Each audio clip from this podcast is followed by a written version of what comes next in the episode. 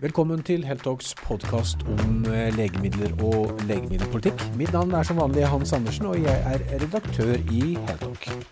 Mitt navn er også denne uka Lars Bøg Nilsen, og jeg er journalist i Heltalk. Ingen endringer der, altså?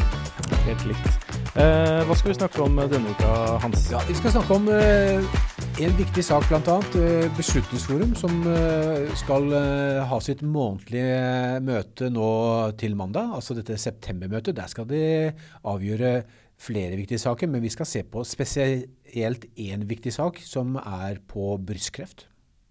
Og vi skal også høre om en spennende pasienthistorie der, som, som, vi har vært inne på, som gjelder akkurat det eh, eh konkrete legemidler. Eh, og så skal vi også snakke om et eh, LMI-seminar som var om helseøkonomi nå denne uka, hvor det kom bl.a. en spennende rapport om Eh, kvalitetsjusterte leveår, eh, som vi skal høre mer om.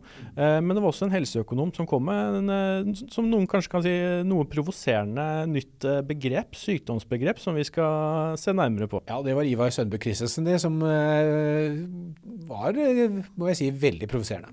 Men du, Hans, vi starter med Beslutningsforum nå på mandag. Det er jo flere saker som skal opp, men kanskje en av de viktigste Eh, og potensielt dyreste eh, vedtakene som skal gjøres, eh, det går på brystkreftmedisinen Enhertu, som nå skal vurderes på mandag som monoterapi til behandling av pasienter med såkalt HER2-lav brystkreft. Du har dykka litt ned i tallene, Hans. Hva er det vi snakker om i både pasienter og kostnader? Ja, Her snakker vi nok om en av de dyreste vedtakene som Beslutningsforum har gjort på, på lenge. for dette eh, har alle elementer i seg til å bli en kostbar, kostbar beslutning, men som selvfølgelig er veldig veldig viktig for veldig mange pasienter. 240 jenter hvert år eh, regner eh, Legemiddelverket med skal behandles med dette legemiddelet. 240 er et høyt tall. Vanligvis når vi ser på disse metodevurderingene som, som, gjøres nå før beslutningsforum, så, så, snakker vi de ofte om 20, 30, 40, 50 pasienter. Eh, men her er det altså godt over 200, og det kan bli flere. Så er det jo selvfølgelig antall pasienter. Det skal da multipliseres med et tall, som er prisen på legemiddelet. og den vet jo du og jeg, Lars, eller resten av Norges befolkning ikke så veldig mye om, for den er hemmelig. Men det vi kan si, det er at listeprisen, den kjenner vi jo til eh, på en herto. Den ligger på eh, et godt bete over 1,2-3 eh, millioner eh, per eh, år. Eh, så har Sykehusinnkjøp, som jobber på vegne av Beslutningsforum, de har forhandlet med AstraZeneca og Daiichi Sankyo, som har utviklet dette legemiddelet. Så Mest sannsynlig har de fått noe rabatt, men jeg tror ikke de har fått så veldig høy rabatt. For dette, det, dette legemiddelet her, det er det som eh, Beslutningsforum vil kalle et, en monopolist. Eh, det finnes ingen annen, i realiteten en, en, annen effektiv behandling for denne pasientgruppen. Så det du mener er at det skal mye til for at uh, de skal kunne si nei på mandag? da? Jeg tror det blir veldig veldig vanskelig. Fordi at dette er et legemiddel som har allerede innført for uh, eh, HER2-brystkreft, altså uh, en tilsvarende diagnose. Det tok veldig lang tid. Her var, vi, her var, Norge helt på etterskudd. Mange land i Skandinavia og andre land i Vest-Europa var langt foran oss. Så her måtte Jeg husker veldig godt, det var i fjor høst. Jeg satt på et hotellrom i Berlin. Vi dekket en, en gynekologkreftkonferanse. Og da, den dagen så innkalte Beslutningsforum til et hastemøte. Eh, for å behandle en hertu eh, som andrelinjebehandling for den med, eh, diagnosen. Og Det var etter et voldsomt press fra pasientorganisasjoner, men også det ble et stort politisk problem. Og, og, Vi har jo sett at denne medisinen, med alle de nye dataene som har kommet med effektene her, har jo blitt svært viktig. Også for de som da ikke har fått dette dekt. Og nettopp denne indikasjonen vi snakker om nå, altså behandling av HER2 lav brystkreft, Eh, der har vi snakket med en pasient eh, hans som eh, har denne indikasjonen, kreftindikasjonen, og som har sett seg nødt til å betale over 1,3 millioner kroner av sine egne sparepenger for å få råd til uh, denne behandlingen. Eh, vi gjorde et intervju med, med pasient eh, Anne Cecilie Fossum i forbindelse med våre saker om privat kreftbehandling. det er jo du som har intervjua henne, Hans.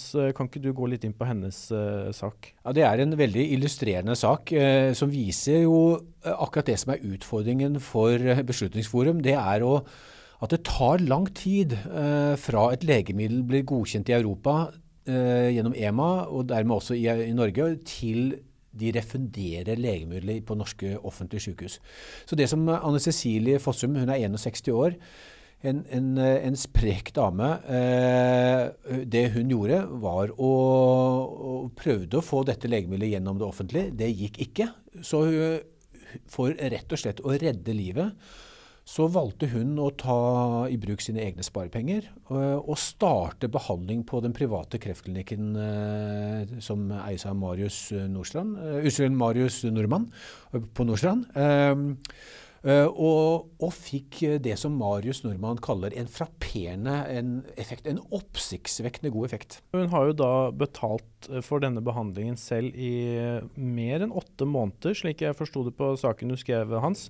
Og da etter tre negative vedtak fra, fra, det offentlige helsevesenet, så fikk da endelig, endelig denne pasienten nå gjennom at hun skal få dette dekka. Og det er jo interessant nå at denne, denne, avgjørelsen om at hun får det individuelt, det skjer bare kort, veldig kort tid før det potensielt nå kan bli ja for alle disse pasientene på mandag. Hvordan tror du hun ville følt det da, hun, hvis dette blir ja for alle nå på, på, mandag? Helt sikkert. Jeg skal snakke med Anne Cecilie på mandag. Uh, hun vil hun er, vil bli ekstremt glad. For hun, eh, når hun står fram i media eh, og hos oss, så er ikke det for å tale for sin egen eh, sak. Er, men hun ser at hennes sak er prinsipiell. Det er veldig mange jenter som har ventet på den behandling. Mange har eh, kommet for langt eh, i sin kreftsykdom, slik at de ikke kanskje lenger er aktuelle. eller at de har mistet mange, mange måneder eh, med, med, med gode liv. Flere har betalt selv for dette legemiddelet, fått det gjennom helseforsikring, det vet vi.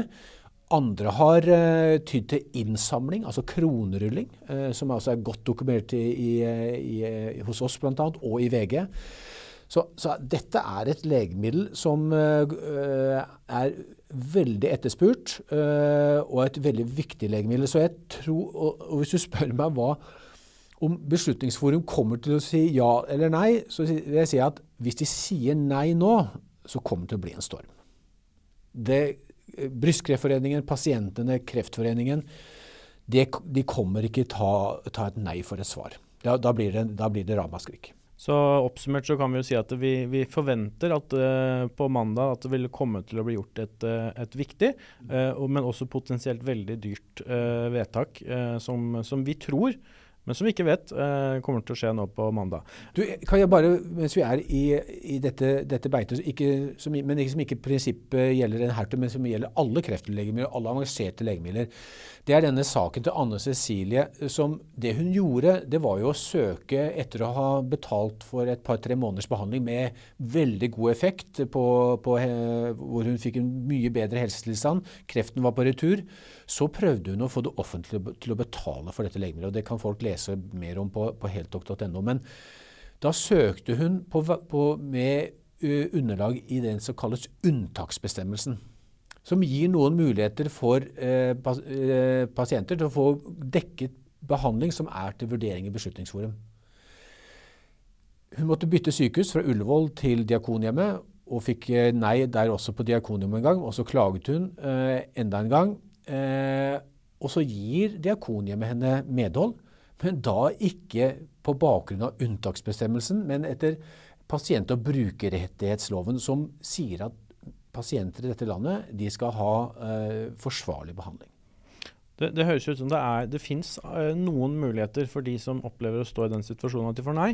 Men som hun, Anne Cecilie også sier til deg, er at det, dette er et uh, offentlig byråkrati som det ikke er lett å stå i når du er en dødssyk kreftpasient? Nei, altså du må, som hun sier til oss, du må være frisk. Eh, og du må ha et nettverk, og du må ha kompetanse og hjelp for å klare dette. Og hun fikk eh, god hjelp av andre. Hun er svært kompetent selv, selvfølgelig, men fikk også hjelp av eh, rettshjelpen til Kreftforeningen, som er viktig i dette bildet. Og jeg tenker Det er ganske talende det som var tittelen på denne saken også. at uh, hun eh, anser selv at hun ville vært død hvis hun ikke betalte for denne behandlingen selv. Som hun nå skal få dekket offentlig. Ja, og Det er ikke bare hun som sier det, sier også hennes behandlende lege på det offentlige sykehuset eh, på, på Ullevål eh, og Diakonhjemmet, så det er ingen tvil om at det er den veien de ville gått. Vi, vi, er selvfølgelig spente på hva som vil skje på mandag, når vi skal følge opp dette tett med beslutningstakerne. Eh, og det er også mange andre interessante saker der, men eh, vi hadde ikke tid til å ta de i dag. Så de får dere bare følge med på, på til, eh, til, uka nå. For Vi må nesten over til andre tema for dagen. Eh, vi var jo og dekte dette eh, LMI, legemiddelindustrien sitt eh, helseøkonomiske fagdag. stappfullt på en av storsalene på Sentralen i Oslo. Uh, de kunne sikkert hatt en mye større sted, for her var det stor interesse for et uh, tema som er veldig hot nå for tida. Uh, den helseøkonomiske situasjonen og hvordan vi ser på finansiering av spesielt legemidler. vi har skrevet et par saker, Hans. Hva, hva, har du tatt med deg som det viktigste her? Ja, altså, jeg har tatt med et par, Det er du som har skrevet dem, og, og, og veldig spennende saker. Og, og, det er jo, jeg tror nok årsaken til at mange er så innenfor industri og, blant leger, og også politikere nå, selvfølgelig er veldig interessert i dette temaet, det er jo at det, det kommer jo nå, eh, og det jobbes med, en ny prioriteringsmelding. Hvor eh, økonomi er jo det helt, helt sentrale. Eh, så ja, spørsmålet er hva, er hva, hva la jeg merke til? Jo, det ene var en, en rapport fra Menon Economics, som er gjort på oppdrag fra LMI som hadde sett på det som kalles eh, betalingsvilligheten for et godt leveår i norsk helsetjeneste. Og der ser vi fra denne rapporten at uh, betalingsvilligheten er mye høyere enn det som er det offisielle tallet, som er 275 000 kroner. Så det reelle betalingsvilligheten er, ligger kanskje to og tre ganger høyere, altså opp mot mellom 600 og 800 000 kroner. Og For de som på en måte kanskje ikke er så inne i dette her, så er jo dette med QALY, altså kvalitetsjusterte leveår, er jo da eh, hvor mye staten er eh, på papiret villig til å betale for eh, hvert pasient sitt eh, gode, gode leveår. Uh, for at de skal uh, komme seg godt og videre gjennom uh, i, i, livet. og at denne da potensielt kan jo da, ut ifra hva som har blitt betalt av det offentlige, kan jo da ligge så mye som tre til fire ganger ja. Eh, eh, høyere. Eh, men mm, hvorfor er dette viktig? Jo, for, for Kvålen, som du er inne på, altså denne, den verdien på 275 000 for et kvalitetsjustert leveår, hvis den er satt lav, så vil jo metoder, og særlig da legemidler som, gjennom, som, som på en måte da blir prissatt av i dette tilfellet Legemiddelverket og Beslutningsforum hvis, hvis, går, hvis prisen på disse legemidlene er over denne terskelverdien, da, som det kalles også, så vil jo i utgangspunktet eh, Beslutningsforum si nei til disse legemidlene. Så det er en liten rettesnor for, eh, for dem også i deres arbeid? Absolutt. Så konsekvensene av, av, av det som har skjedd, av å ikke justere denne terskelverdien til det, det reelle, det er at Bl.a. Eh, at, at det kan gå bekostning av innføring av livsviktig medisin og annen behandling i, i det offentlige. For, for, formålet med denne terskelverdenen det er rett og slett å, å oppmuntre til effektiv ressursbruk i helsetjenesten, slik at man velger de helsetiltakene, altså operasjoner, legemidler, som gir mest samfunnsøkonomisk verdi. Eh, og Derfor er eh, akkurat denne terskelverdien så viktig.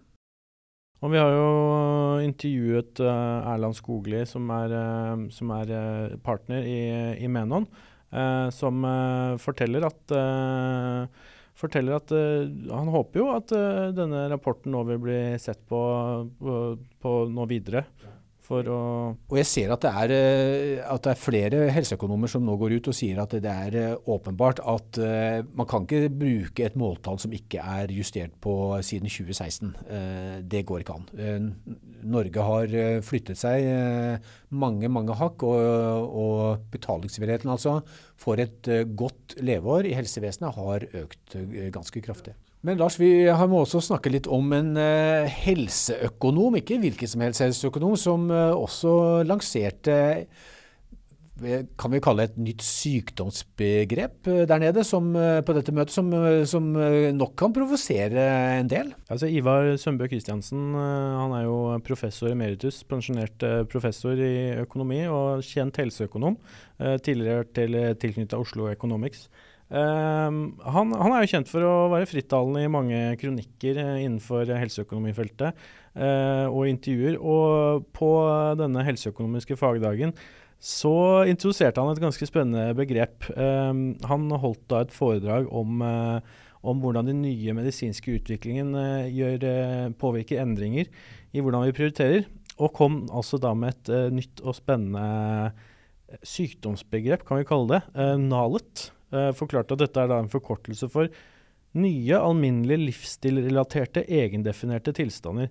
Uh, og Hva legger han videre i, i dette her? Ja, det, det, er et akronym. Uh, kanskje det kommer til å feste seg, hva, hva vet vi? Kanskje litt for vanskelig uh, til at det skal få helt det store gjennomslaget. Men, men, det han sier, er jo at, at pasientene Altså, det, det er Helseverden hvis man skal kalle det, består egentlig av to grupper pasienter. En gruppe pasienter som har eh, ganske god, og noen har selvfølgelig veldig god eh, behandling eh, med alt fra operasjoner, avanserte legemidler eh, osv. Eh, kjente sykdommer. Kjente sykdommer. Hjerte, kar, kreft eh, osv. osv. Men så finnes det da en annen gruppe som ikke har som, er, som man sier er veldig stor, mange hundre tusen, som ikke har eh, verken godt definerte eh, diagnoser og heller ikke godt gode behandlinger.